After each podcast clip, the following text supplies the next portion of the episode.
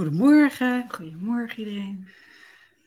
En dit keer over liefdesangst. En we willen even beginnen met een eh, stukje, een tijdje geleden geschreven, maar is eigenlijk uh, altijd actueel. Oké, liefdesangst. Iets wat heel kostbaar is, willen we niet verliezen. Als we liefde niet helemaal aannemen, hoeven we ook niet bang te zijn dat we het kunnen verliezen. Schijnveilig binden we ons niet en uit verbinding overleven we. We wijzen liefde af uit angst afgewezen te worden. We wijzen onszelf af. Liefde is het meest kostbare wat er is. We zijn er allemaal naar op zoek. En vaak blijven we er buiten onszelf naar zoeken in een partner. We hopen te vinden bij een ander en uit angst het kwijt te raken, verliezen we bijvoorbeeld al onszelf. De angst om verlaten te worden is groter dan liefde toe te laten. We proberen controle over liefde te krijgen door de voorwaarden aan te verbinden. Ik hou van jou, maar dan moet je wel zo en zo zijn, want anders ben ik bang of heb ik pijn. Er wordt voorzichtig over de verdedigingsmuur gekeken, het hart omsloten om pijn en teleurstelling te voorkomen. Er wordt gelijk overgestoken. Ik geef jou dit, dan krijg ik dat. Niet te veel of je helemaal geven, want stel je voor dat jij meer geeft dan dat je krijgt. Angst voor het tekort wat jou gedaan wordt, leidt en liefde wordt lijden. Maar op een dag zoek je niet meer, maar vind je.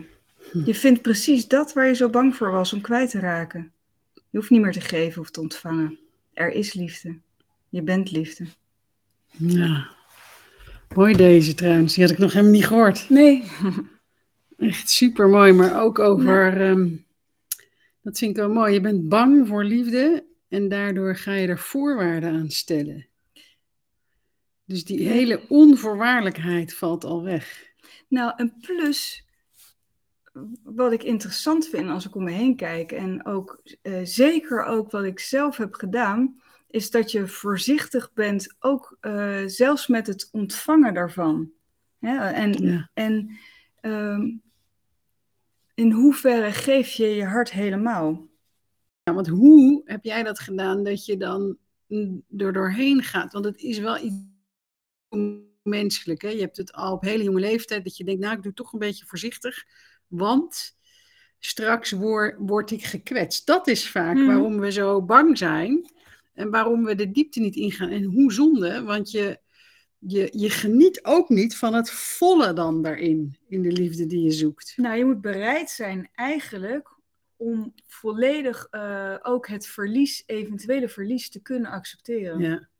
Als je dat kan, en ik weet dat we dat uh, toen tegen elkaar zeiden, dat we daar met elkaar over hadden. Van oké, ehm, als ik alles, mijn hart volledig open, vergeven en ontvangen, en dat, dat is hetzelfde als je hart volledig opent, dan ben ik ook bereid om mijn hart um,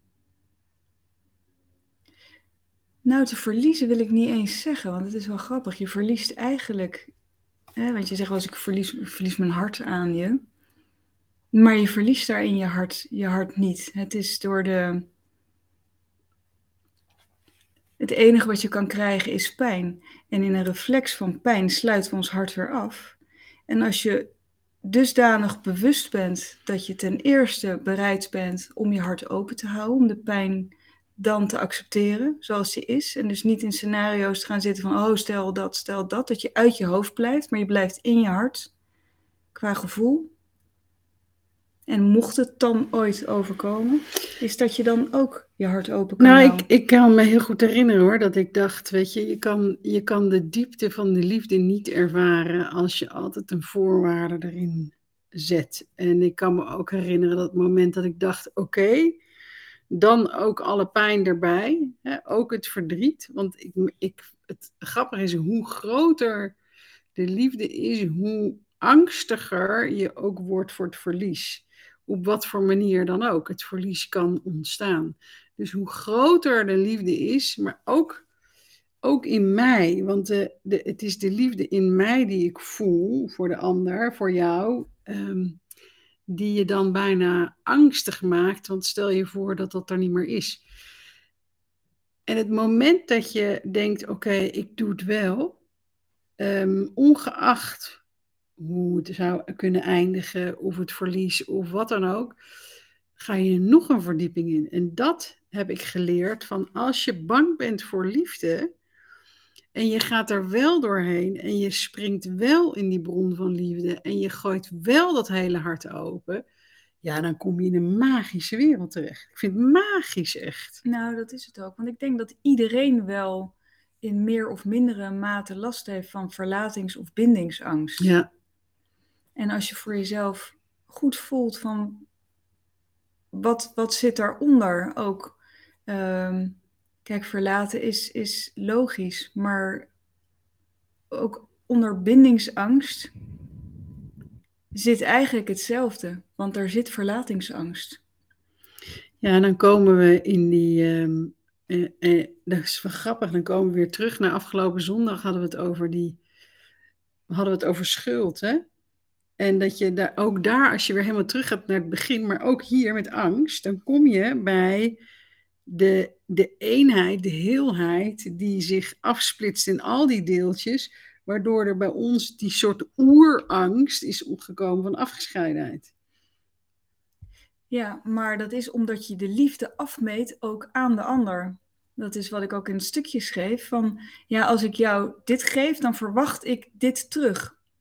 Ehm, en Ja. zou je in staat kunnen zijn als de een onvoorwaardelijk lief heeft en de ander doet het nog op voorwaarden? Zou je eh, het vertrouwen bij de ander en de liefde zo groot kunnen maken dat de ander ook onvoorwaardelijk lief gaat Nou, hebben? ik denk ook dat je zelf moet starten, want er moet er één starten en dan is het een uitnodiging voor de ander. Nou ga je wel door je angst heen. Ja. Want dat betekent dat als jij iets geeft helemaal aan de ander en je krijgt niet dat terug, hè, dan kan je teleurstelling voelen, pijn, eh, afwijzing.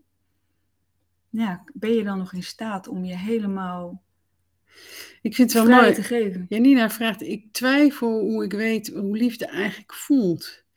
Ik denk dat dat voor iedereen anders is, maar ik voel voor mij zo'n expansie in mijn hart. Maar ik voel als ik echt liefde toelaat, ook, we hebben allemaal een bron van liefde in ons. En het zou mooi zijn als we die al zouden ontdekken, je eigen bron van liefde, zonder reden, zonder dat je iets, zonder voorwaarden, zonder dat je iets goeds hebt gedaan, dat je die zou kunnen voelen in jezelf, in je hart. En, en ik merk dat die groter wordt doordat je ehm, ook door pijn, overigens, door vergeving, door eh, je, je angst heen te gaan, door ehm, eh, moedig te zijn in je liefde, door kwetsbaarheid. Ja, dan rekt die mega op. Hoe voelt liefde voor jou? Oh, dat, soort, dat krijg oh, een soort kwispel, soort, soort met een hart, soort tinteling, soort, eh oeh, weet je, ik voel het gewoon nu al helemaal. En is er een verschil in liefde Hm. voor je kinderen, voor je moeder, voor Nou, wat ik wel kan zeggen, mij? is dat jij, een, jij hebt iets aangeboord bij mij, waarbij ik niet wist dat het bestond. En dat daardoor mijn liefde voor iedereen om me heen groter is geworden. Dus het is net voor mij, er zijn lagen in, in hoeveel liefde laat je toe in jou, hoe bang ben ik. En, en terwijl ik dit het allerengst vond en hier doorheen ben gegaan, heeft dat mijn liefde voor iedereen om me heen vergroot. Ja, dat En bij jou? wat je zegt. Nou, ehm, wat ik merk is dat ik, eh, omdat jij geen voorwaarden daaraan hebt verbonden, kon ik helemaal mezelf zijn. En eh, heeft Hmm. het me eigenlijk uitgenodigd om eh, met andere ogen, eigenlijk met de ware ogen, naar mezelf te kijken. Want ik hoefde niet te voldoen op een bepaalde manier. En ik mocht gewoon er zijn. En alles mocht er zijn. Het enige wat telt was zijn. Ja, Waardoor mijn gevoel van zelfliefde zo eh, toe is genomen. Ja. Eigenlijk dat laatste stukje compleet heeft gemaakt. Waardoor ik vanuit liefde naar de wereld kan kijken. en dat vind ik wel heel mooi. Dus hoe, hoe kan je door die liefdesangst heen, Hoe, hoe kan je er doorheen? Wat is, jouw, wat, is- wat, wat is jouw conclusie? Ehm, nou, ten eerste accepteren dat er ehm, twee kanten aan een verhaal eh, zitten. Dus ook het, als je het dan hebt over liefde, het verhaal liefde, eh, het begrip liefde. Ehm, daarin accepteer je ook dat liefde, ehm, als je hem verbindt aan de ander, verlies kent, maar hou je hem bij jezelf, dan is er altijd liefde. En Mhm. ik denk dat het een, een afhankelijkheid ehm, opheft, omdat je hem zoekt in de ander. En daarin zit vaak de bevestiging of een, een, ja, een zekerheid, wat eigenlijk gewoon een schijnzekerheid is. Want, En daar komt angst vandaan. ja, Want het is en- een schijnzekerheid. Dus ik wil hem niet halen bij jou of bij eh, ehm, de kinderen. Ik wil hem eigenlijk toelaten. Ja. En er is liefde, leven is liefde. Dus als ik mijn hart volledig open, sta ik in connectie met de bron, met leven, met liefde. ja, en dan voel je gewoon dat je eigen bron steeds groter wordt. Dus het is, het is wel mooi, want je maakt zelf de stap om door de angst heen te gaan, om, om dieper te voelen jouw bron van liefde. Want dat is, hè, dat zeg ik wel eens tegen je van, nou, ik, ik wist niet dat ik zoveel liefde in me kon voelen. Dat het zo groot is en, en dat je daar, dat, ja, dat is zo mooi om, om te kunnen voelen hoe dat dan, je wordt ook een stuk vriendelijker voor jezelf, dat merk ik ook. Je verbindt je eigenlijk met de bron. En dat kan alleen maar door de muur van angst af te breken. Ja. Ja, Petra die zegt, ik, ver, ik verlang naar wat Bonnie voelt. Nou, ik, ik kan je verklappen dat ik het ook echt iedereen wens. Ik hoop dit voor iedereen, want het is een... eh, ik wist niet dat het bestond en ik wist niet hoe bevrijdend het was. En ik wist ook niet dat het zoveel angst zou geven. Want je kan altijd wel je een beetje terughouden. Dat is namelijk wel grappig. Is ook voor jezelf om eens goed te kijken, waarin hou ik mezelf terug? Ben ik bezig met liefde op voorwaarden of geef ik het allemaal, ongeacht wat er gebeurt, ongeacht meenemend met de pijn die eh, eventueel gaat ontstaan, ook als een van de twee weg zou vallen. Weet je, geef ik het allemaal? Spring ik in mijn bron van liefde? Want dat is het. Eigenlijk is het wel tragisch, vind ik, dat mensen met elkaar leven, die elkaar wel eh, lief hebben, maar voorzichtig met elkaar zijn. eh, voorzichtig in die zin met liefde geven en ontvangen. Uit angst voor straks valt Ja. degene weg. Ja. En waardoor ze niet helemaal in verbinding met elkaar zijn. Dat vind ik wel diep tragisch. Als je kijkt dat in hoeverre is iedereen van ik geef mijn hart volledig eh, aan jou. Ik open mijn hart volledig voor de liefde. En ook zoiets, de, ik wil me eigenlijk doortrekken, de liefde voor het leven versus de angst voor de dood. Ja, maar dat... dat... Want daar, daar zit hij. Ehm, door een angst voor de dood vinden we het moeilijk om helemaal te leven, om ons helemaal in het leven te storten. Want stel je voor dat. En dat is ook als je de. Heb, heb je de moed om echt in het leven te springen, de liefde voor het leven, voor alles wat er is, ook de pijn, ook de dood, die er onherroepelijk aankomt. Nou, daar zeg je een belangrijke. Wie leeft helemaal Ja. volop, intens? Ja, eh, Dana, jouw dochter, die, Ja. die is echt, die, die leeft voluit. Ehm, de ene dag is ze intens vreugdevol, en de andere dag is ze intens verdrietig. Maar ze leeft, ze is eh, volop, ehm, ja, eigenlijk eh, in verbinding met zichzelf, met haar emoties. En dat vind ik wel echt heel mooi, hoe zij in het leven staat. Ja, waarin ze ook niet, hè, van dit mag niet, dat mag wel. Nee. Dus er zit ook de hele, de vrijheid die daar ook nog eens een keertje bij komt. Want ook de, het gevoel van onvrijheid of moeten aanpassen, geeft ook al een, En niet de ruimte hebben om te leven. Maar dat doen we de hele tijd. Dat Ja. is precies wat je zegt ook. Hè? We, we zijn al eh, vanuit onze opvoeding eh, zijn we al gewend om ons aan te passen. Hebben we al allemaal mechanismen ontwikkeld. overlevingsstrategieën, aanpassingsmechanismen. Eh, om de best- beste versie van onszelf te laten zien. Ja. Of in ieder geval de versie te laten Die, die, zien die, het past minst in de maatschappij. ja, die het minst pijnlijk is, minst de minste kans heeft op afwijzing. Ja. Dus we zijn constant maar bezig om te scannen. Hoe kan ik me het beste gedragen? Dat, dat is Hoe, helemaal... hoe, het is wel grappig, hoe ontvang ik het meeste liefde van de ander? Hoe leuk moet ik dan zijn? Ja. Ook dat is kansloos. Omdat je dan altijd bezig bent met een ander deel van jezelf laten zien dan dat je echt bent. En dan krijg je al de liefde op voorwaarden. Het is ook Ja. iets wat wij.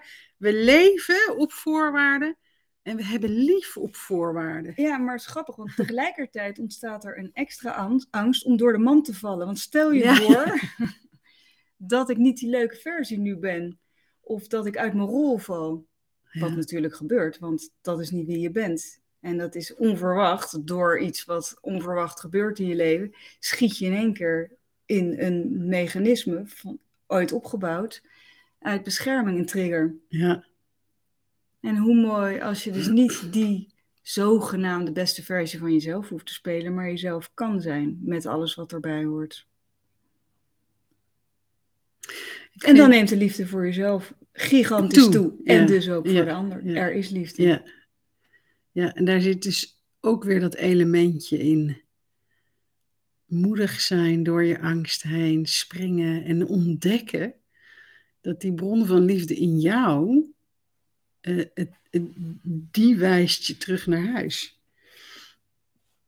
Het is wel mooi hoe een ander een katalysator kan zijn en hoe je kan, ehm, hoe je leert liefhebben wat groter is, alleen maar doordat de voorwaarden wegvallen. En dat zou mooi zijn als we kunnen leven zonder voorwaarden, zonder nog angst te hebben voor de dood, maar dan echt het leven pakken. Ja, laten we leven. Oh, grappig. Janina zegt, voor mij is het andersom. Altijd onderliggend verlangen naar huis gaan en angst hier volledig te zijn.